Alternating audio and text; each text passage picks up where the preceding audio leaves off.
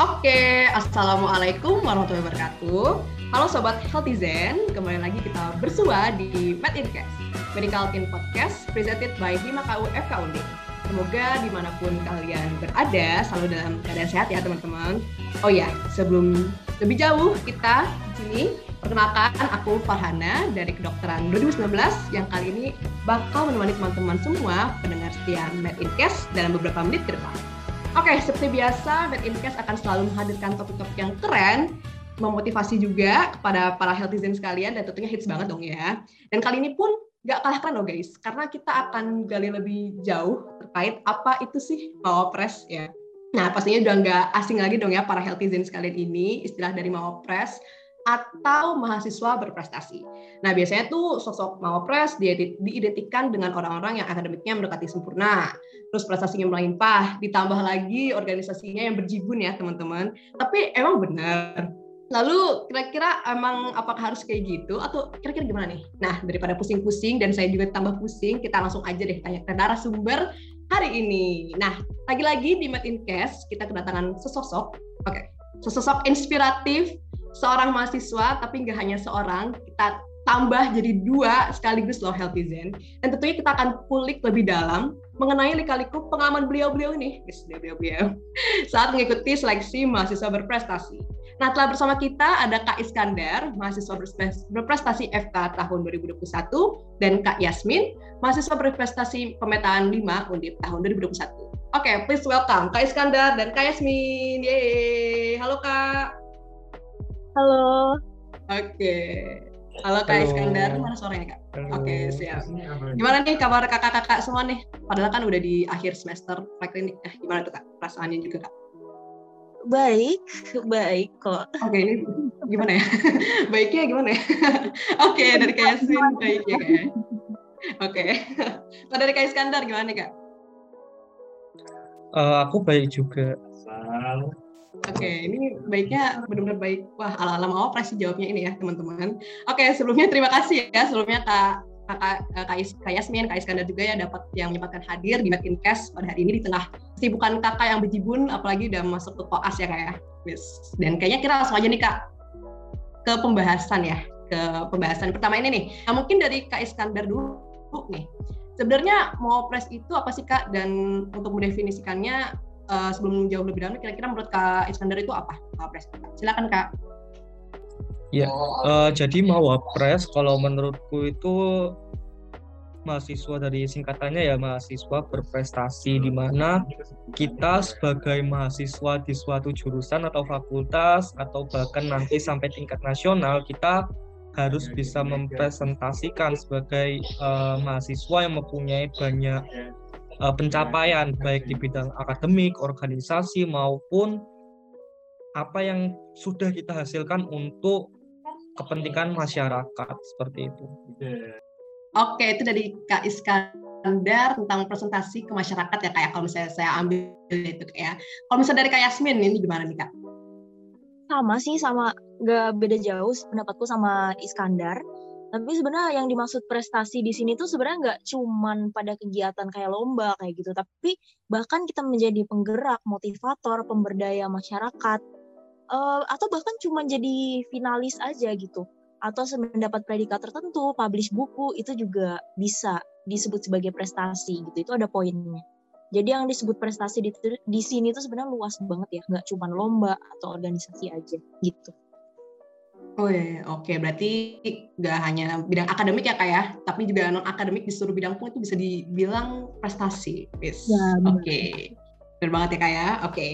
Nah mungkin untuk lanjut nih kak, kira-kira bisa diceritain nggak sih kak awal mula kakak-kakak sekalian ini mengikuti Mawapres Nah, mungkin dari maba apa kayak udah target kan biasanya kan di maba kan ada kayak sosialisasi mau press juga kan kayak. Ya. Nah, itu mungkin udah ada motivasi bibit-bibit motivasi seperti itu Kak dan mungkin boleh diceritakan nih Kak kenapa akhirnya bisa menjal apa bisa ikut mau press tahun ini ya tahun 2021 khususnya Kak. Mungkin dari Kak Yasmin dulu silakan Kak. Oke. dari maba ya? Oke, ini agak Oke, okay, kalau dari aku pribadi, jujur enggak, karena uh, tapi gini, dulu tuh waktu aku lagi PK PKKMB apa ya? Iya kalau nggak salah PKKMB itu tuh ada mau pres mau pres ya. Jadi beliau-beliau tuh dipanggil tiga orang dan mereka tuh ya sama gini diwawancarain gitu ya. Terus kayak aku tuh batin gitu, ih keren banget kayak kok bisa ya kayak gitu ya. Tapi ya udah sebatas itu aja. Jadi aku kayak termotivasi gitu kayak oh ternyata mahasiswa tuh bisa ya. Maksudnya kayak bisa seproduktif itu ya selama selama kampusnya ya gitu. Dan di situ aku kayak terinspirasi aja sih lebih ke arah kayak wah keren-keren banget. Tapi aku nggak ada arahan untuk kayak wah aku ingin jadi pres waktu itu tuh aku nggak nggak yang kayak begitu banget sih. Mungkin dari Iskandar. Oke okay. oke okay. ya. dari kak Iskandar lanjut kak. Silakan kak. Ya kalau dari aku sendiri pertama kali dulu waktu PMP waktu pengenalan mahasiswa baru itu kan ada Kak Galih Ricci gitu. Dia presentasi sebagai mawapres satu fakultas kedokteran. Habis itu juga ada kak uh, Helen sama kak Rizky Aksen kalau nggak salah ya. Nah uh, dari situ terpacu semangatku untuk aku bisa seperti mereka. Aku berpikir kalau misalnya mereka bisa kenapa aku nggak bisa seperti itu? Nah tapi pada waktu perjalanannya ketika semester hmm, semester 3 kalau nggak salah ya atau semester 4 gitu ada pemilihan mawapres. Dan di situ uh, karena banyak kesibukan kuliah dan sebagainya aku jadi tidak ikut mendaftar dulu yang waktu tahun sebelumnya. Nah ketika yang tahun kemarin itu pas aku daftar itu kebetulan uh, aku bisa meluangkan waktu di luar kuliahku untuk membuat seperti ya kan banyak persyaratannya ya seperti harus membuat uh, makalah dan sebagainya kemudian menyiapkan berkas-berkas dan sebagainya seperti itu sih ya Oke, makasih banyak Kak Iskandar dan Kak Yasmin. Ini kalau saya lihat wow beda ya kayak satu kayak Asmin dari maba. Oh oke okay, masih B aja lah ya. Tapi tengah tengah habis langsung. Uh. tapi kalau Kak Iskandar udah benar-benar termotivasi dari awal ini memang juga panutan yang mantap sih teman-teman ini keren mantap banget ya teman-teman Hatizen oke. Okay. nah tadi uh, saya menyinggung dari yang pernyataan Kak Iskandar terkait dengan syarat-syarat mawapres nih kak. Mungkin saya langsung aja nih nanya nih kak terkait syarat-syarat mawapres itu apa aja sih kak mungkin nanti sobat sobat eh, apa healthy ini pada mau daftar kira-kira syaratnya apa dulu ya kak Silakan Kak. Aku dulu nih. Iya kak, betul. Kak Iskandar dulu. Iya. Uh, jadi kalau untuk persyaratannya itu ada syarat tertentu. Misalnya harus melampirkan nilai TOEFL. Aku lupa pastinya berapa, tapi pasti ada batasnya seperti itu. Itu hanya kalau berdasarkan dari apa kata dosen, kemudian dari yang tingkat undip pun mengatakan bahwa itu hanya formalitas saja. Yang penting uh, lolos seperti itu. Kemudian juga ada persyaratan IPK, kemudian ada juga uh, persyaratan seperti harus melampirkan prestasi, prestasi ya akademik ya, ada organisasi, kemudian seperti tadi yang uh, Yasmin bilang ada bisa sebagai motivator, kemudian publish buku, jurnal, artikel dan sebagainya itu bisa dimasukkan uh, ke dalam list prestasi kalian seperti itu. Ya untuk persyaratan lainnya juga uh, yang cukup memakan banyak waktu menurutku itu kita harus membuat makalah seperti ide baru apa yang uh, mau kita buat. Seperti PKM kalau nggak salah ya. Ya seperti itu. Itu sih Oke kak, makasih banyak kak. Tadi uh, banyak juga sih kak untuk berkas-berkasnya. Cuma tadi untuk yang prestasi tadi itu kira-kira ada minimal tahunnya gitu nggak kak? Mungkin berapa tahun ke belakang gitu untuk prestasinya atau mungkin seluruhnya dari SMA barangkali gitu? Uh, untuk batas tahunnya itu prestasi yang kita dapatkan selama di kuliah di Universitas hmm. Diponegoro ini. Jadi untuk prestasi SMA tidak dipakai. Dan itu yang uh, kalau dipakai di tingkat fakultas bisa mungkin ketika kita menjabat sebagai ketua panitia di acara organisasi tertentu kemudian bisa juga lomba yang mungkin tingkatnya ya kota atau provinsi seperti itu. Tapi kalau misalnya udah di tingkat universitas itu mereka uh, pingin achievement yang lebih tinggi lagi, misalnya tingkat nasional, internasional dan itu harus dibuktikan dengan adanya misalnya sertifikat, kemudian adanya website yang uh, mendukung acara tersebut atau pencapaian tersebut, misalnya lomba IMU gitu. Nah, kita bisa melampirkan website IMU-nya seperti itu. Hmm. Ya, itu sih. Hmm. Oh, Oke, okay. makasih banyak Kak Iskandar. Mungkin dari Kak Yasmin ada tambahan nggak Kak? Oke, aku bantu elaborasi sedikit lagi ya dari yang Iskandar ya. Jadi untuk syarat peserta ini tuh sebenarnya ada kalau yang poin krusial ya, itu berusia tidak lebih dari 22 tahun. Jadi itu nanti eh, kan setiap tahun pasti ada guideline ya. Nah, nanti di guideline-nya tuh biasanya ada syarat-syaratnya. Kalau pas tahunku tuh tidak lebih dari 22 tahun. Jadi kalau misalkan teman-teman bagi yang sempat gap year gitu-gitu mungkin itu agak diperhatiin gitu karena ada batasan umurnya untuk maksimal mendaftar. Cuman cukup luas juga sih. Masa kayak cukup lama juga sampai maksimal 22 tahun tuh kan waktu angkatan waktu tahun lalu aja tuh berarti masih umur berapa? Masih umur 20-an, ada yang 19, mungkin ada yang 21. Jadi harus sama. IPK eh, syaratnya lagi nih kalau buat syarat pesertanya doang ya. Itu IPK minimal 3. Jadi sebenarnya sangat terjangkau untuk semua orang gitu loh. Nggak harus yang kayak gimana banget, bahkan IPK tuh nggak nggak masuk penilaian gitu. Jadi cuma syarat aja gitu. Jadi mau IPK pun 3,9, mau 4, mau 3,5, 3,1 itu nggak ngaruh gitu. Jadi itu buat syarat. Terus tadi yang buat yang berkas-berkasnya ya tadi ya itu lebih ke tahapan seleksinya sih. Kalau yang uh, buat pemberkasannya ya misalkan kayak TOEFL gitu-gitu gagasan kreatif. Yang cukup bener kata Iskandar yang cukup capek itu yang gagasan kreatif. Karena itu disuruh bikin gagasan kreatif bahkan kadang tuh sampai bikin prototipenya gitu. Jadi misalkan bikin aplikasi gitu ada sampai prototipenya kadang tuh di ini beneran gitu. Masa akan sangat membantu kalau ada prototipenya kayak gitu-gitu. Jadi uh, yang cukup capek itu gagasan kreatifnya masalahnya diambil dari yang sekitar sekitar gitu loh. Misalkan ada tuh dulu kalau yang Kak Amanda Margaret itu waktu beliau lagi apa AKN ya kalau nggak salah itu nah masalah yang di desanya tuh kemudian diangkat jadi gagasan kreatif itu boleh jadi boleh di suatu komunitas ada masalah apa diangkat atau misalkan kalian ikut organisasi pengmas gitu di desa binaan siapa tahu kalian mau angkat gitu kan itu boleh juga kalau sertifikat bahasa Inggris buat pemetaan itu masih boleh yang prediction. Kalau buat yang utama tuh udah harus yang asli gitu. Apa karena kan mau dimajuin ke nasional masa prediction kan nggak boleh kan. Jadi kalau untuk pemetaan tuh masih boleh. Syarat skornya nanti ada di guideline sih. Kalau nggak salah yang TOEFL tuh 450.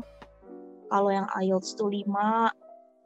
TOEIC itu 475 gitu-gitu lah.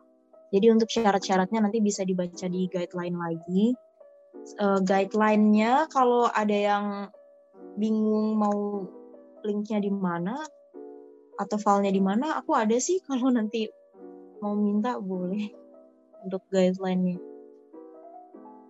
Oke, siap itu ya teman-teman. Guideline-nya udah ada, tinggal minta Yasmin atau mungkin nanti dari teman-teman riset ya, mungkin ya. Oke. Terus juga nanti teman-teman sobat Healthizen juga jangan panik terhadap IPK karena IPK itu sebenarnya nggak ngaruh guys. Gitu. Oke, terima kasih eh, terima kasih banyak Kak Yasmin dan Kak Iskandar. Kayak kita langsung next ke pertanyaan selanjutnya nih Kak. Nah, saya ingin tanya nih Kak, uh, apakah tadi kita udah nyinggung prestasi-prestasinya Kak ya? Nah, mungkin ini ber, eh, bersinggungan juga dan mungkin diulang sedikit lagi nih Kak. Nah, kira-kira uh, apakah prestasi yang, har, uh, yang harus melulu itu terkait dengan akademik ataukah ada minimal prestasi dan apakah harus jago berbahasa Inggris juga? Nah, itu mungkin silakan Kak diperjelas lagi nggak apa Kak? Mungkin silakan untuk Kak Iskandar, mungkin Kak, silakan Kak.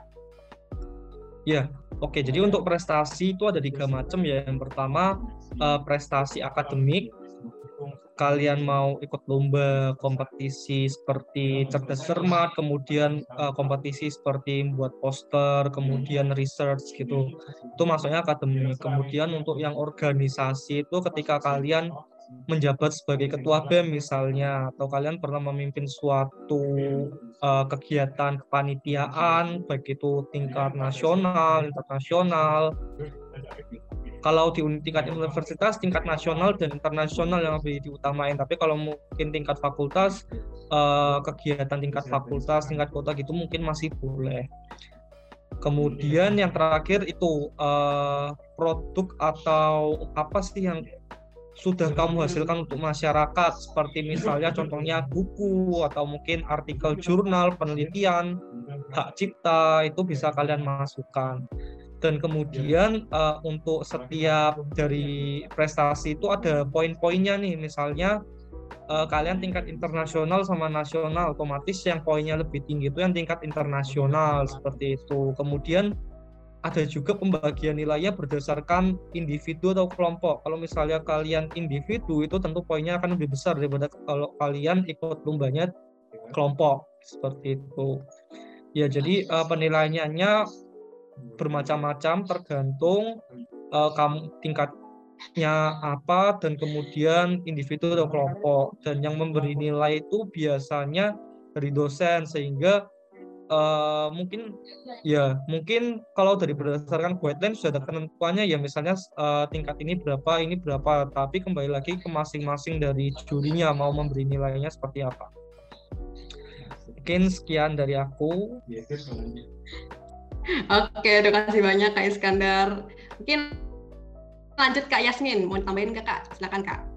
Oke, ini aku sekali sebenarnya udah dijelasin secara garis besar sama Iskandar, tapi ini aku mau ngasih tips buat temen-temen yang masih maba yang kayaknya tertarik tapi tuh kayak belum ada gambaran samsek gitu mau mulai gitu ya uh, aku baru sadar ini setelah aku mengikuti rangkaiannya dan ini tuh kayak aduh coba aku tahu ini dari dulu gitu loh jadi kalau key-nya adalah menurutku sebenarnya baca guideline dari sekarang. Jujur beneran gak bohong. Soalnya kalau kalian lihat di dalamnya itu udah transparan banget juara satu internasional, pencapaian individu poinnya berapa? 13. Terus yang kalau kelompok poinnya 6,5 gitu misalkan. Atau kalau misalkan regional gitu. Regional tuh kayak Asia gitu ya. Maksudnya bukan regional yang eh, gimana regional yang ini itu nanti ada klasifikasinya regionalnya gitu uh, itu misalkan juara satu dapat 10 gitu. Misalkan kalau yang provinsi juara satu individu dapat 4 poin. Jadi tuh benar-benar kalian bisa tahu gitu loh. Oh, kalau aku ikut lomba ini, lomba ini, lomba ini tuh poinnya berapa gitu. Jadi benar-benar bisa kalian estimasi dan kalian juga bisa ngeliat gitu loh kayak dari yang tahun-tahun lalu gitu-gitu mereka tuh dapat prestasi apa aja sih. Jadi kalian bisa compare dan kalian bisa set target untuk diri sendiri gitu. Jadi kalau misalkan kalian punya guideline di tangan, wah itu udah menurutku keuntungan besar banget sih. Itu udah kayak curi start dari awal gitu. Jujur, soalnya di dalam tuh udah jelas tahapan-tahapannya apa aja, proses penilaiannya kayak gimana, gedenya di mana gitu. Jadi prestasi pun ada yang poinnya gede, ada yang poinnya kecil gitu. Jadi itu bisa benar-benar curi start banget. Misalkan kalau penghargaan ya, penghargaan internasional tuh dapat 8. Eh, penghargaan tuh misalkan kayak lomba inovator gitu-gitu tuh dapat 8 kalau kelompok dapatnya empat. Kalau kepemimpinan misalkan ketua yang fakultas gitu ormawa golongannya ada misalkan golongan satu bem gitu ya itu ketuanya tuh dapat tujuh gitu poinnya. Jadi cukup gede juga ya dibanding sama yang uh, tadi yang lomba harus nasional atau internasional individu kelompok tuh masih cukup besar. Jadi uh, menurut aku kalian punya guideline itu udah curi start banget. Jadi kalau bagi kalian yang dan gimana ya buka, banyak yang mungkin mikir kayak ah aku masih maba masih udah mikirin mau pres sih gitu. Itu salah banget pemikiran itu. Justru kita harus start dari awal gitu untuk bisa curi start dari awal. Karena ya gitu. Jujur. Jadi kalau kalian mau tanya tentang detail-detailnya boleh nanti kayak tanya-tanya lagi uh, ke aku pribadi boleh ke Iskandar mungkin boleh. Tapi kayak sebenarnya di guideline itu udah ada semuanya gitu. Kalau soal bahasa Inggris kalau soal bahasa Inggris ya uh, kalau dulu kan cuma dari TOEFL doang ya, cuman sekarang ada mekanisme baru namanya impromptu speech. Jadi salah satu tahapan seleksinya itu ada impromptu speech.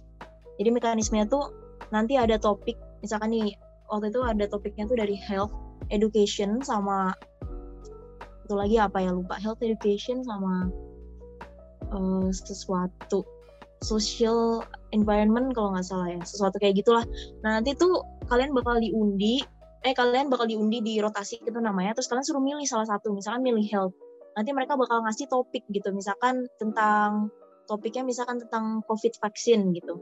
Covid covid 19 vaksin atau misalkan kayak uh, Indonesian kartu Indonesia sehat kayak gitu. Nah itu nanti kalian suruh bikin speech impromptu 7 menit di situ. Jadi wawasan harus luas juga pakai bahasa Inggris. Sebenarnya mungkin bahasa Inggrisnya masih agak broken English gitu ya maksudnya nggak terlalu gimana banget nggak apa-apa. Yang penting percaya diri aja sama kalian tahu apa yang kalian jadi lebih penting ke latihan speech dibanding ya bahasa Inggrisnya juga penting sih. Cuman kayak lebih menurutku lebih krusial untuk latihan speech sama percaya diri aja sama banyak-banyak research tentang masalah yang baru gitu. Yang paling research itu sih tapi kalau buat tips and selanjutnya kayak mau konsul-konsul mendingan ini aja sih nanti. Uh, personal aja Oke, terima kasih banyak Kak Yasmin. Tadi benar-benar sih guys harus curi start ya, apalagi para maba-maba ini yang ambis ya harus dipertahan dipertahanin ambis ya teman-teman. Oke, ini Kak uh, berkenaan dengan prestasi juga kan banyak nih pasti Kak. Ada beberapa mahasiswa yang dia itu punya prestasi tapi lagi-lagi tadi balik lagi terhalang oleh public speaking dalam bahasa Inggrisnya khususnya. Nah itu kira-kira ada nggak sih kak tips untuk bisa public speaking English gitu? Apalagi itu kan tadi dibilang ada impromptu tadi kan kak? Impromptu speech tadi kan. Nah itu gimana kak? Mungkin dari tipsnya masing-masing dari kak Yasmin maupun kak Iskandar. Mungkin dari kak Yasmin dulu ya ini kak. Tadi lanjut kak. Silakan kak. Oh tips and trick public speaking ya banyakin latihan sih. Banyakin latihan dalam artian ada kesempatan kecil apa pun ambil gitu. Misalkan sehari-hari di kelas suruh presentasi ambil latihan. Karena uh, gimana ya untuk bisa ngomong nggak pakai a aja tuh butuh latihan. Ngerti nggak sih? Kayak kadang kan tuh kalau kita ngomong kan kayak eh uh, gitu kan itu aja tuh butuh latihan gitu. Jadi itu butuh jam terbang lah istilahnya. Jadi kesempatannya nggak usah kalian yang kayak beraspirasi aku harus jadi ketua apa dulu ya? Ketua hima atau ketua bem ketua senat gitu nggak usah. Tapi sehari-hari aja gitu ambil kesempatan yang ada representasi di kelas. Terus habis itu kalau kalian ada misalkan kayak lagi ikut webinar atau apa disuruh ini nanya pertanyaan tanya aja gitu. Kadang deg juga loh kayak nanya ngomong depan umum. Jadi banyakin latihan aja. Terus kalau misalkan kalian eh, bener-bener lagi mau ini ya coba latihan speech gitu sebenarnya bisa minta tolong temen bisa kalian lihat dari orang-orang kan uh, speech gitu kalian bisa take notes kalian pelajarin gitu. Terus buat latihannya bisa hmm, ini ada nih ada aku tahu ada orang-orang yang pakai trik ini dan aku juga pernah sih dan itu tuh agak malu-maluin tapi berfungsi sebenarnya. Jadi kalian uh, ngerekam diri sendiri gitu sambil kalian ngobrol eh ngobrol aja sambil kalian speech. Nanti kalian play ulang gitu jujur li malu sih lihat diri sendiri gitu. Tapi kalian bakal sadar gitu kayak langsung lihat pasti langsung sadar oh my god aku kecepetan ngomongnya ya. Oh aku kok kayaknya nervous banget ya kelihatannya. Aku kok kurang percaya diri ya gitu kayaknya kesannya. Jadi kalian akan langsung melihat di mana hal-hal yang bisa diimprove gitu. Jadi buat kalian bisa self study diri sendiri kayak gitu caranya bisa rekam diri sendiri coba speech atau bisa minta tolong orang lain. Dan tentunya belajar dari orang-orang ya kayak ya banyak lah video TED Talks gitu di YouTube udah banyak sekarang yang ngasih tips and trick gitu ya dari intonasi, dari speed gitu-gitu udah bisa dipelajarin sama latihan aja sih banyak banyakin beraniin diri buat take chances gitu loh buat uh, apa namanya ngobrol depan ngomong depan umum. Kalau dari aku gitu aja sih. Oke. Eh, kasih banyak Kak Yasmin. Tadi intinya tuh berani guys. Itu tuh berani terus banyakin latihan. Udah sih itu intinya dua itu sih guys. Jadi kunci biar bisa public speaking English khususnya. Nah mungkin dari Kak Iskandar gimana nih Kak? Untuk tips khusus nih mungkin dari Kak Iskandar. Silahkan Kak. Kalau dari aku hampir sebagian besar sama ya seperti Yasmin ya. Jadi yang penting pertama pasti latihan. Ketika kita latihan public speaking, yang pertama ngomongnya jangan cepat-cepat terlebih dahulu. Jadi harus dikontrol terlebih dahulu kecepatannya. Biasanya kan mereka yang uh, masih ngomongnya kecepatan kemudian intonasinya kurang bagus kurang sesuai pemenggalannya juga nggak tepat. Itu karena mereka gugup sehingga uh, apa yang ada di pikiran mereka itu jadi nggak konsen seperti itu. Nah itu harus dilatih dengan cara pertama ketika berbicara pelan-pelan terlebih dahulu seperti itu. Bisa dengan berbagai macam cara, salah satunya uh, latihan di depan banyak orang tadi. Kemudian memang ada temanku yang dia uh, latihannya dengan cara merekam perkataan sendiri seperti itu. Kemudian bisa juga nih dengan cara uh, kalian berbicara di depan cermin sehingga kalian tahu ketika kalian berbicara itu uh, mimik muka atau ekspresi muka kalian seperti apa. Kemudian kalau yang uh, pada waktu public speaking impromptu bahasa Inggris, uh, saranku ya cuman satu-satunya cara adalah latihan bisa dengan keluarga kalian di rumah kalian latihan bahasa Inggris, kemudian dengan teman-teman cobalah untuk uh, berbicara bahasa Inggris. Karena impromptu bahasa Inggris itu tidak bisa dilatih dengan sehari dua hari seminggu dua minggu itu berjenjang bertahap. Jadi kalian harus uh, latihan setiap saat baru itu bisa terbentuk uh, ketika kalian mau ngomong bahasa Inggris apa itu langsung muncul gitu vokabulernya dalam pikiran kalian gitu. Oke, itu ya dia teman-teman lagi-lagi latihan dan juga banyak intinya sih lagi sih tadi berani ya guys dan intinya jangan cepet-cepet kayak tadi aku sangat cepet-cepet ya guys dalam memaparkan podcast pada hari ini ya. ya ampun. Oke, nih kak berani nih kak kita terlepas dari segala prestasi pembahasan prestasi-prestasi kita lanjut masuk lagi ke seleksi Maopres nih kak. Nah kira-kira seleksi Maopres itu seperti apa sih kak? Nah mungkin dari Kak Yasmin silakan nih kak ingin uh, menjelaskan terlebih dahulu. Silakan Kak. Kayak gimana tuh maksudnya tahapannya gitu atau atau gimana kira-kira? Atau oh iya Kak. Pengalamannya, tahapan? Okay. Eh, tahapan dari itu. Mau okay. seleksi Mapres.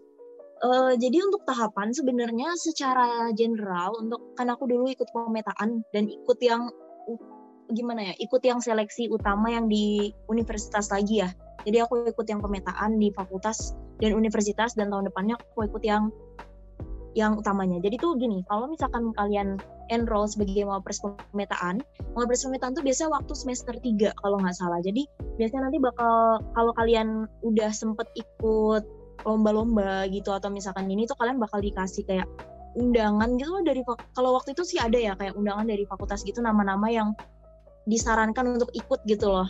Tapi sebenarnya nggak nggak nggak disarankan pun nggak apa-apa mau ikut gitu. Jadi waktu itu ada nama-nama itu terus habis itu nanti nah tahapan-tahapannya ya. Jadi kalau untuk mau pres in general ya konsepnya mau pres pemetaan tuh gini. Jadi mau pres pemetaan tuh kalau mau pres pemetaan satu dari tiap fakultas nanti akan dilombakan di universitas di mana mau pres pemetaan universitas 1 sampai 5 itu istilahnya dapat golden ticket untuk tahun depannya otomatis enroll di Mawapres di universitas gitu. Jadi tahun depannya kalau misalkan kan aku kebetulan waktu itu juara lima kan yang Mawapres pemetaannya di universitas. Jadi aku dapat golden ticket untuk enroll di yang universitas tahun 2021 gitu Mawapres utama. Sementara kalau yang misalkan yang golong yang batchnya Iskandar ya, itu kan yang ikut Mawapres utama tahun 2021. Nah, itu tuh dari awal lagi berlomba dari dari yang fakultas dari prodi dulu lalu ke fakultas baru ke universitas baru ke nasional gitu. Jadi perbedaannya tuh di situ. Tahapannya nggak beda jauh sebenarnya. Waktu itu mau pres pemetaannya ikut sampai akhir gitu ya sampai impromptu speech gitu-gitu juga ikut walaupun memang di berbeda ruang gitu. Jadi untuk tahapan-tahapannya sebenarnya ada beberapa ya di guideline sebenarnya udah ada semua. Jadi kalau misalkan yang tahap satu tuh lebih ke arah pemberkasan, pemberkasan dalam artian um, prestasi gitu-gitu. Prestasi, tuh itu tuh semua di tahap satu. Terus habis, jadi kalau udah prestasi itu udah nggak bisa lah, udah nggak bisa diganggu gugat di tahap pertama gitu. Jadi maksudnya tahap keduanya udah nggak bisa di udah nggak bisa di ini lagi apa namanya direvisi lagi ya karena itu di tahap pertama udah disubmit sejak awal terus habis itu kandidat yang lolos ke selanjutnya baru nanti ada tahapan-tahapan selanjutnya. Misalkan oh ya gagasan kreatif juga ada di tahap pertama ya. Terus pokoknya semua yang bersifat kertas-kertas tuh di semuanya di pertama di tahapan satu. Terus habis itu baru nanti ada babak-babak selanjutnya babak final itu ada yang impromptu speech-nya kita ada nah aku lupa presentasi gagasan kreatif tuh waktu itu di tahapan berapa ya. Pokoknya itu ada tahapan yang ini apa namanya yang pemberkasan tahap satu sama tahap keduanya itu yang ini yang kita speech impromptu speech kayak gitu-gitu. Mungkin dari Iskandar mau nambahin? Iya, uh, jadi uh, kalau yang tahunku untuk yang jurusan pertama kali sama tahap pemberkasan kita mengumpulkan segala dokumen gagasan kreatif TOEFL kemudian uh, IPK prestasi akademik organisasi itu tahap satu kemudian tahap kedua itu kita presentasi mengenai gagasan kreatif kita. Jadi kita disuruh membuat powerpoint. Nah itu waktu yang tahunku disuruh pakai bahasa Inggris presentasi powerpointnya. Setelah itu dosen atau jurinya itu menilai dan itu keluar hasilnya. Kemudian untuk yang di tingkat fakultas itu sama pemberkasan Kemudian yang kedua itu ada presentasi gagasan kreatif. Waktu presentasi itu kita uh, setelah presentasi juga tanya-tanyain oleh dosennya mengenai isi dari gagasan kreatif. Kalau mungkin kita di masih di jurusan atau tingkat fakultas itu kan dosennya masih dari ada yang kedokteran ya otomatis mereka akan lebih nanya ke substansi uh, secara ilmu kedokteran. Tapi kalau kita sudah presentasinya di tingkat universitas nanti, mereka akan lebih tanya uh, bagaimana sih cara kamu mengimplementasikan gagasan kreatifmu itu di masyarakat seperti apa? Apakah bisa direalisasikan atau enggak gagasan kreatifmu? Yang lebih tanya seperti itu kalau tingkat universitas karena nggak semua jurinya kan memiliki jurusan yang sama ya dengan uh, dari pendaftar mawapresnya seperti itu. Nah, kemudian di yang tingkat fakultas itu juga ada yang namanya verifikasi untuk prestasi kalian. Jadi apa benar kalian uh, pernah menang lomba ini, apa benar kalian pernah mengikuti organisasi ini dan itu ada alokasi waktunya sendiri ya kalau aku nggak salah 15 menit atau berapa menit seperti itu. Nah kemudian untuk yang tingkat universitas sama untuk yang pertama tetap pemberkasan, kemudian yang kedua kita ada presentasi mengenai gagasan kreatif, kemudian uh, ada impromptu speech bahasa Inggris, kemudian ada juga ini tes wawasan kebangsaan. Jadi kita disuruh menjawab menggunakan Google Form ya nggak ada jawaban benar atau salah. Jadi pilihan jawabannya itu dari angka 1 sampai 5 seberapa kamu setuju atau enggak kalau aku nggak salah uh, sorry bukan ternyata uh, tes wawasan bangsaannya itu dia ada beberapa pilihan yang hampir semuanya itu benar tapi kita disuruh milih salah satu yang paling benar seperti itu ya aku baru ingat tes wawasan kebangsaan. Nah setelah itu uh, ketika kita sudah melakukan tes itu nanti dari pihak juri sana itu ada yang uh, ngecek juga untuk prestasi kita apakah memang benar kita mengikuti lomba ini dan sebagainya itu tadi. Itu sih dari aku. Oke, ternyata cukup kompleks ya kak ya dari jurusan terus ke fakultas terus juga ke univ bahkan kayak ke nasional lebih lebih lagi ya kak ya seperti itu. Oke. Nah, dari dari tadi kan kompleks banget ya kayak terkait dengan pemberkasannya juga, terus tiap jurusan ada uh, pasti ada kesulitan yang masing-masing dari mempersiapkan berkas, terus juga fakultas dan juga tadi uh, universitas juga seperti itu. Nah, ini mungkin di, bisa diceritain nih Kak, uh, kira-kira ada nggak sih Kak AGHT, eh, kayak PPKN ya, ancaman, gangguan, hambatan, dan tantangan saat proses seleksi Mawapres tersebut. Nah, mungkin dari Kak Yasmin, silakan Kak. Uh, oh ya, sebelumnya aku mau nambahin. Jadi tuh sebenarnya untuk prosesnya ini tuh tiap tahun tuh sebenarnya pasti bakal ada perbedaan ya. Karena pas tahunku tuh dulu nggak ada verifikasi ini, nggak ada verifikasi prestasi. Pas tahunku dulu yang mau pres pemetaan ya, itu di fakultas nggak ada verifikasi prestasi gitu. Jadi tahapan-tahapannya pasti beda. Dan satu lagi yang menurut aku beda juga tuh dulu begini. Jadi dulu tuh tahapan yang waktu pas tahun aku seleksinya berarti yang pemetaan kan tahun 2020 ya. Waktu tahun 2020 itu yang lolos untuk bisa ke presentasi ini mau pres utama juga maksudnya nggak cuma yang pemetaan doang yang bisa lolos ke presentasi itu tuh cuman yang tujuh besar pemberkasan atau lima besar pemberkasan gitu nggak salah. Jadi pem, dari pemberkasan ini diseleksi dulu lima orang atau tujuh orang aku lupa.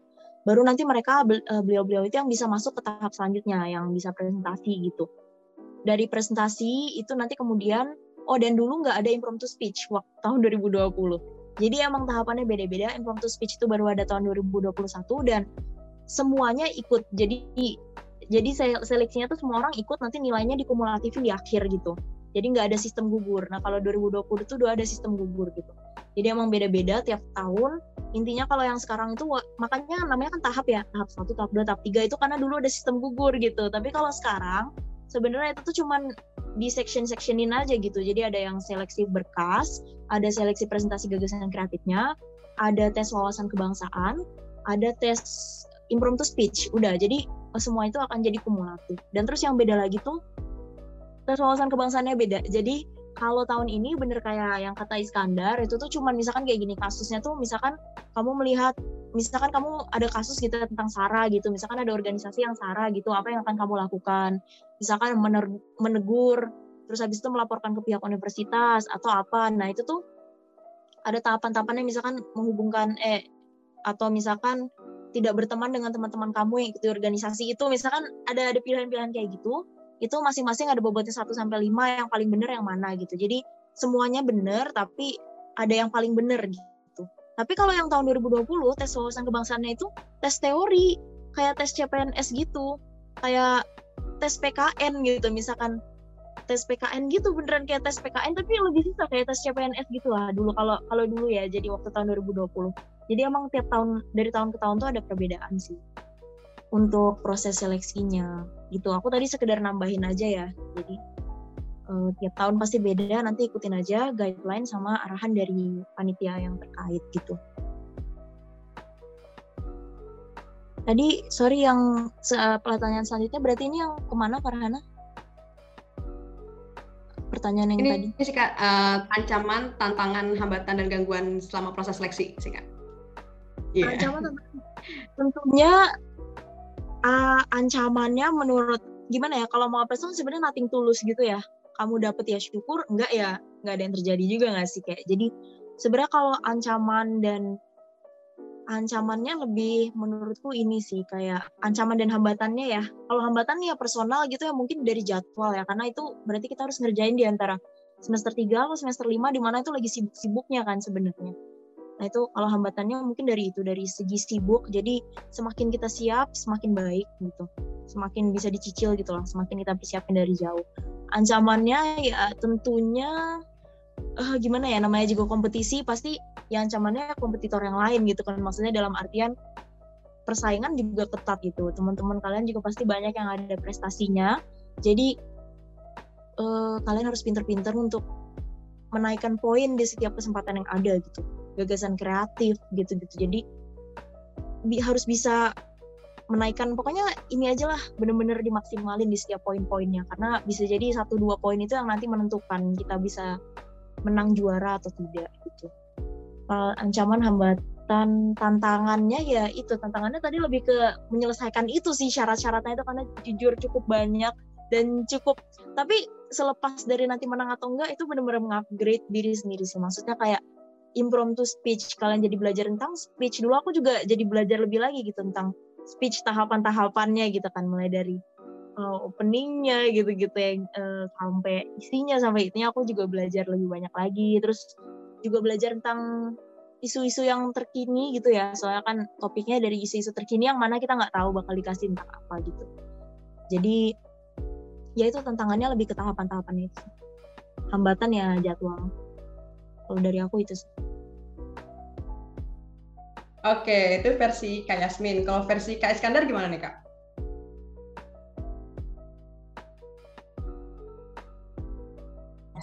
Ya, kalau dari aku, untuk hambatannya juga sama. Uh, tadi kan seperti yang aku sudah bilang sebelumnya bahwa aku di semester 3, semester 4 itu aku nggak jadi mendaftar karena adanya hambatan kuliah, jadwal kuliah yang padat. Kemudian uh, juga persyaratan dokumennya harus banyak gitu ya, terutama gagasan kreatifnya. Jadi aku nggak sempat untuk mendaftar. Nah, akhirnya aku meninggalkan untuk yang semester 3 itu. Nah, pada waktu yang semester 6 itu terutama karena kan uh, sepertinya aku baru dikabari itu awal semester 6 gitu bulan Januari Februari di mana pada waktu itu aku ada kuliah kalau nggak salah modul 62 itu modul uh, kesehatan anak. Materinya sangat banyak satu mata kuliah satu uh, dua jam pelajaran itu bisa sampai 200-an slide PPT-nya kemudian uh, di waktu itu juga aku uh, ada lomba TCUM GFKUI itu yang psikiatri kemudian di saat itu juga dekat-dekat itu ada juga ujian tahap ujian tahap uh, yang pertama gitu. Dan pada waktu itu juga ada KTI proposal harus buat proposal KTI ya. Jadi uh, di semester 6 itu sangat banyak sangat padat sekali jadwalnya saling tumpang tindih satu sama lain dan itu kita harus buat gagasan kreatif, harus ngurusin satu-satu uh, sertifikat akademiknya, terutama kan kalau lomba-lomba itu banyak sertifikatnya ya. Kemudian ketika kita jadi asisten dosen misalnya itu kan juga harus minta uh, surat dari admin biasanya yang membuktikan bahwa kita memang diangkat sebagai asisten dosen. Nah itu kita harus chat uh, dari admin, kita harus uh, minta uh, sertifikatnya, harus nge-scan sendiri gitu. Ya itu untuk hambatannya sih bagaimana kita bisa manajemen waktu membagi waktu antara kita menyiapkan pemberkasan buat mawapres dengan perkuliahan kemudian KTI kalau yang semester 6 ya uh, nanti ada ujian tahap dan sebagainya kalau tahunku waktu itu Oke, benar-benar sibuk sekali ya kak ya untuk apalagi tadi di tiap semester semester 6 terus semester berapa lagi ya itu benar-benar ada kesibukannya masing-masing. Oke, ini sekarang saya beralih pertanyaannya kak ya terkait benefit menjadi Mawapres. Kan kakak sudah tercap menjadi Mawapres, Kak Iskandar Mawapres uh, FK tahun 2021. Kak Yasmin Mawapres pemetaan 5 Undip. Nah itu benefitnya apa nih Kak? Mungkin dari Kak Iskandar dulu nih Kak. Silakan Kak. Ya, kalau benefitnya yang pertama jelas kita akan bisa membagikan uh, pengalaman kita selama kegiatan Mawapres tersebut, kemudian uh, kita sebagai Mawapres itu juga bisa menjadi contoh ya di sini.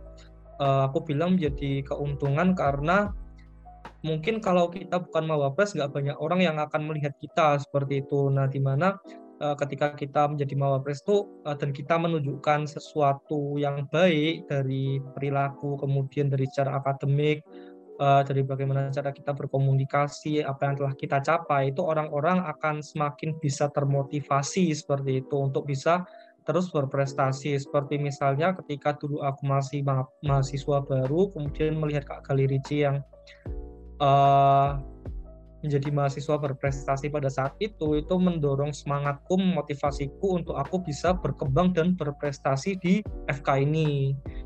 Tuh ya menurutku benefitnya itu sih Yo, mantap banget kak ya dari ekspresinya, wis mantap banget sih kak. Oke, kalau dari kak Yasmin gimana sih kak? Aku setuju banget, nggak bisa lebih setuju lagi. Aku uh, jujur waktu itu yang menurut, yang maksudnya sosok inspiratif buat aku ya, yang membuat aku mikir kayak ih keren banget gitu. Kak Gali Ricci ya, tapi jujur waktu itu aku Kak Surya sih Surya tuh wah itu beliau keren banget sih waktu itu. Kebetulan juga pernah ketemu waktu salah satu acara Hublu.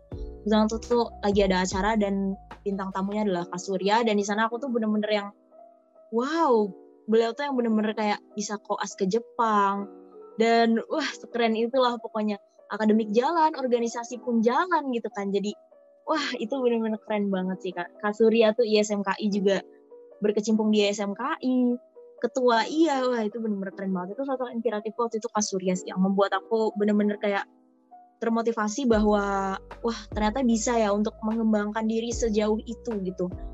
Di organisasi bisa mengembangkan diri di akademik bisa mengembangkan diri gitu. Jadi kalau aku sih itu sih waktu itu yang ngebuat aku pengen untuk gimana ya untuk lebih self development di di akademik di organisasi waktu itu. Jadi bener banget kata Iskandar ketika kamu punya sebuah gelar gitu ya. Mau press otomatis banyak yang akan bertanya ini itu ini itu. Jadi kamu bisa motivasi tapi satu lagi kalau kalian orangnya ini lebih ke lebih ke arah mikir dari segi dunia profesional ya dengan kalian punya gelar sebagai mau press itu tuh akan meningkatkan personal branding kalian gitu loh.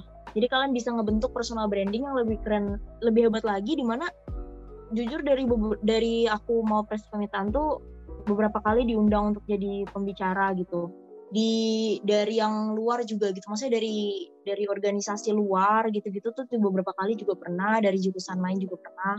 Mulai dari yang prodi lain sampai ke organisasi nasional di luar tuh juga pernah. Jadi benar-benar kalian akan dapat kesempatan di sana untuk memperluas relasi lagi gitu. Memperluas relasi memperluas pengalaman lagi tuh dari segi personal branding tuh dapat banget dari segi kalian inspirasi orang dapat satu lagi tuh bisa juga oh ya relasi. Sebenarnya kalian tuh juga bisa relasi sama, sama teman-teman ya. Ya kalau seleksinya offline lebih enak lagi tapi karena waktu itu seleksinya online uh, waktu itu tuh aku follow-followan ya sama anak-anak mau pemetaan yang lain. Dan di situ tuh kayak kadang tuh kita masih reply-replyan story gitu lah kayak saling komen-komen. Jadi dan sebenarnya ada juga grupnya gitu. Dan sebenarnya kalau grupnya aktif gitu itu bisa banget kalian apa namanya menjalin relasi lebih lagi gitu di situ. Dan semakin banyak kalian tahu figur-figur yang tentunya kalian ikut seleksi aja kalian pasti masuk grup dong bersama figur-figur yang hebat ini kan. Itu tuh misalkan kalau kalian butuh pembicara gitu ya misalkan kalian di organisasi kalian butuh pembicara.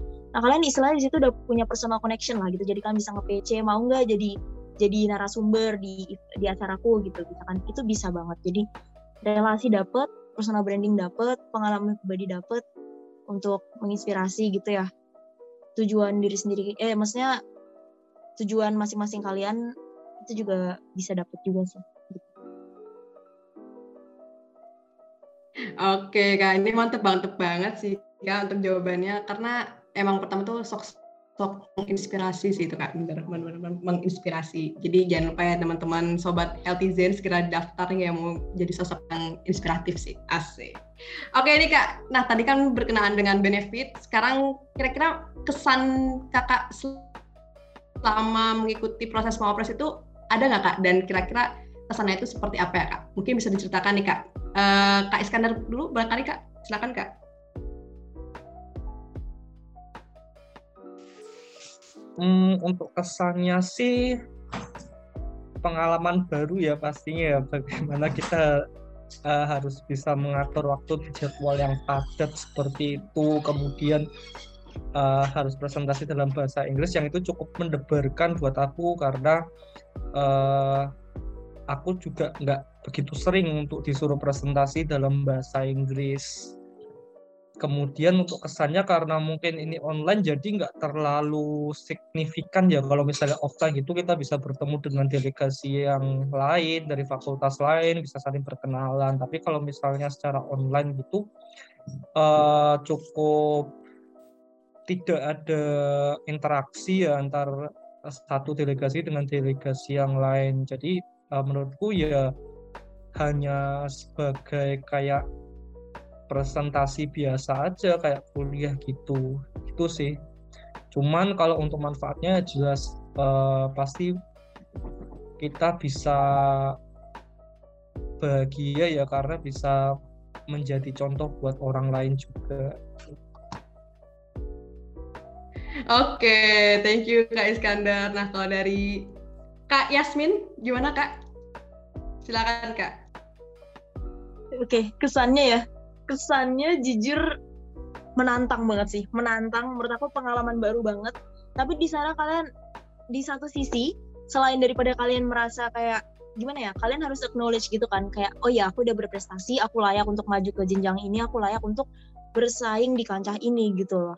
Tapi kalian di satu sisi itu juga kalian akan jadi gimana ya kalian akan diajarkan lagi untuk kembali lagi rendah hati lagi gitu. Karena kalian akan melihat orang-orang yang sama hebatnya bahkan lebih hebat dari kalian. Dan mereka tuh perjuangannya juga nggak gampang gitu loh udah sampai tahap itu. Jadi menurut aku itu bener-bener yang kalau dari segi ini ya gimana ya mengajarkan kalian untuk lebih menghargai diri sendiri dan tentunya juga menghargai effort orang lain gitu. Tapi kesannya menurut aku tuh pengalaman baru banget kayak bener-bener menantang banget dan aku seru sih ngeliatin orang-orang lain prestasi ih keren-keren banget gitu. Jadi menurut aku itu pengalaman yang yang bener-bener unik. Dan mungkin nggak semua orang pengen ya nggak semua orang pengen untuk karena pressure-nya juga gede banget jujur gitu. Untuk ikut di situ tuh pressure-nya gede banget. Dan mungkin nggak semua orang pengen. Tapi bagi teman-teman yang memang ada niatan dan kalian pengen challenge diri sendiri dan kalian emang ada gambaran dan kalian tahu kalian bisa menurut aku kejar sih. Kejar sejak awal sejak sekarang. Karena benefitnya menurut aku sebanding juga kok gitu. Bener banget. Intinya jangan ragu guys buat tunjukin kalau kalian nih wis bisa show off lah intinya kalau di FK nih untuk bisa berprestasi. Yo. Oke kak, terakhir nih kak, pertanyaan terakhir ya benar-benar insya Allah semoga terakhir ya. Oke, okay. untuk ngajak teman-teman juga nih supaya tertarik dan juga bisa prepare dan juga semoga bisa ada lagi penerus mau press Undip khususnya FK Undip lah ya tentunya ya dan berasal dari kedokteran juga. Nah ini bisa nih kak uh, alasan kakak dan kenapa sih harus menjadi mau press itu bisa ceritakan juga kira-kira kenapa alasannya mungkin dari kak Yasmin dulu silakan kak. Oke, okay, kalau dari aku pribadi, jadi mau pres itu nggak harus, tapi itu sebuah privilege gitu. Sebuah gimana ya, sebuah kehormatan untuk diri sendiri, untuk teman-teman kalian yang udah support, untuk fakultas juga, untuk orang tua juga. Jadi itu menurut aku sebuah privilege gitu loh, untuk kalian bahkan bisa punya kesempatan untuk bersaing aja itu menurutku udah udah privilege banget gitu loh, udah sebuah anugerah banget lah gitu. Jadi bagi kalian yang punya kesempatan dan merasa bisa kejar aja, kejar dari sekarang gitu dari awal.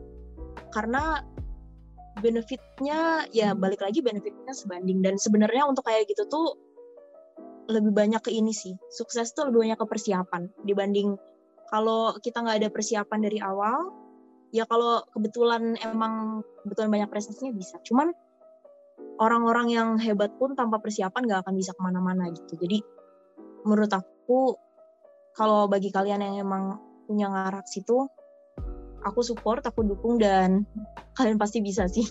Nah, aku aku aja yang awalnya aja nggak ada arahan ke situ aja tiba-tiba masih punya kesempatan untuk bisa masuk mawapres pemetaan sih. Jadi uh, kejar aja dari sekarang. Gitu sih.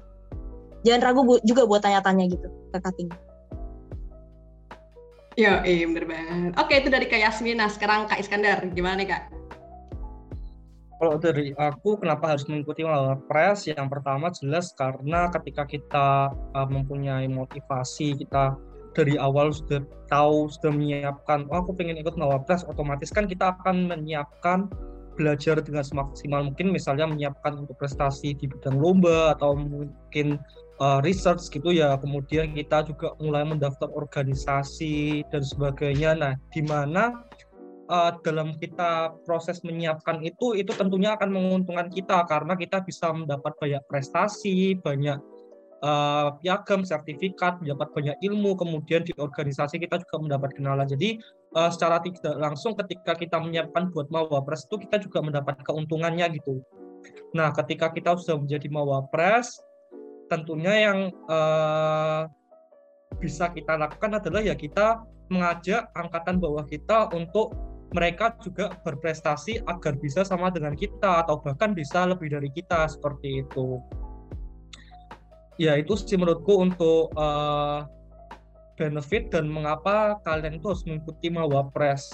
Oh ya, sama juga ketika kita misalnya menyiapkan gagasan kreatif kan kita kadang juga berkonsultasi dengan dosen. Nah dari situ kita juga bisa mendapat banyak ilmu. Misalnya uh, dulu aku sama Yasmin kan pernah membuat prototipe aplikasi ya Nah itu kita juga diajarkan uh, oleh Dokter Yanuar bahwa uh, ternyata membuat aplikasi itu tidak serumit yang dibayangkan. Memang mungkin uh, jika baru pertama kali membutuhkan waktu lama untuk belajar, tapi setelah kita lakukan uh, beberapa kali gitu akan terbiasa sendiri. Ya jadinya uh, poinku di situ sih. Jadi uh, selama kita menyiapkan untuk mawapres itu kita pastinya juga akan mendapat banyak uh, input dari keilmuan, kemudian dari secara organisasi dan sebagainya. Oke, cakep banget ya teman-teman alasannya. Kenapa sih harus ikut Mawapres tadi? Aku nggak bisa mengulangnya karena saking banyaknya guys. Itulah banyaknya uh, alasan dari Mawapres. Dari balik lagi benefitnya gitu. Oke nih kak, terakhir nih kak. Mungkin uh, statement ya kak. Nah, closing statement terakhir dari kak Iskandar dan kak Yasmin nih kak sebagai penutup dari uh, in Cash pada kali ini nih Kak. Mungkin dari Kak Iskandar dulu, silakan Kak. The closing statementnya Kak.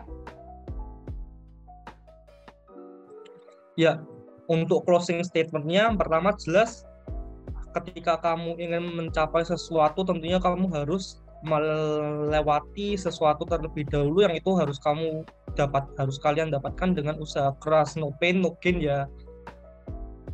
Nah kemudian setelah itu juga uh, jadilah diri kalian sendiri karena ketika kalian mencontoh orang lain boleh, tapi kalian harus mempunyai suatu keunikan di mana keunikan itu bisa kalian kembangkan sehingga itu menjadi uh, suatu keunggulan yang bisa kalian banggakan atau bisa kalian jadikan itu sebagai branding untuk diri kalian. Oke, cakep banget dari Kak Iskandar. Lanjut Kak Yasmin, kasih statement nih Kak. Silakan Kak. Oke, kalau menurut kalau closing statement dari aku ya sukses itu sebenarnya it's all about preparation sih. Jadi aku ada quote yang bagus banget yang dulu jadi salah satu motivasi aku juga. Itu adalah sukses a success is where preparation and opportunity meet. Jadi kalau kalian kalau kalian udah nyiapin semua itu misalkan kalian nanti pun nggak daftar film Filmapres aku yakin semua itu pasti ada ada gunanya kok gitu. Maksudnya kalian ikut lomba-lomba inovator gitu-gitu di luar negeri itu kan akan membantu jenjang karir kalian ke tempat lain juga kan. Jadi output akhirnya nggak mesti jadi mawapres gitu. Karena to be honest it's not for everybody gitu. Nggak semua orang cocok dengan lingkungan yang kayak begitu dan nggak semua orang mau juga gitu untuk ikut kan. Jadi apa pun tujuan awal kalian uh, kalau misalkan Filmapres itu sejalan dengan ideal kalian dan tujuan kalian ya why not gitu loh kejar aja gitu. Dan tentunya semua orang bisa ya untuk untuk mengikuti itu karena balik lagi ke preparation baca guideline lihat poin-poin yang gede di mana gitu. Jadi ya kalau dari aku kayak begitu sih. Kalau misalkan kalian nggak ikut karena emang nggak mau ya nggak apa-apa. Tapi kalau misalkan kalian nggak ikut karena ragu itu jangan sampai sih. Kalian pasti akan kepikiran gitu second guessing kayak ih temenku yang ternyata prestasinya cuma kayak gitu kok bisa ikut ya? Temanku ternyata prestasinya mirip sama aku kok bisa ikut ya? Gitu. Jadi kalian akan second guess dan tetap inget itu sampai kapan pun. Jadi mendingan ikut nyes nyesel ikut gitu nyesel ikut dibanding nyesel nggak ikut gitu nyesel kalah. Ya ikut terus kalah itu masih lebih mending dibanding nyesel nggak ikut. Jadi it's success is all about preparation dan jangan pernah ragu dengan diri sendiri. Percaya diri aja. Gitu. Oke kak, ini nice banget sih ya teman-teman dari closing statement dari tiap-tiap narasumber kece kita pada hari ini dan ternyata wah closing statement ini um, menjadi penutup pembahasan kita ya pada hari ini di Med Incast kali ini. Nah harapannya melalui podcast ini baik bibit unggul di luar sana khususnya di FK Undip ya kedokteran Undip bisa join nih mau press dengan motivasi masing-masing dan tentunya bisa membanggakan alma mater tercinta kita. Asik. Oke, lagi-lagi terima kasih banyak Kak uh, sekali lagi kepada Kak Iskandar dan juga Kak Yasmin yang bersedia hadir pada Made in Cast di tengah kesibukannya yang sangat super super padat ya kak ya. Makasih banyak loh kak, mantap sih kak. Ini dari tadi ketawa ketawa sini. mantap banget emang. Sangat ceria ya ini mau proses kita kali ini ya guys ya. Oke, oke untuk itu lagi-lagi nantikan keseruan lain dari Made in Cast Medical in Podcast presented by sorry sorry.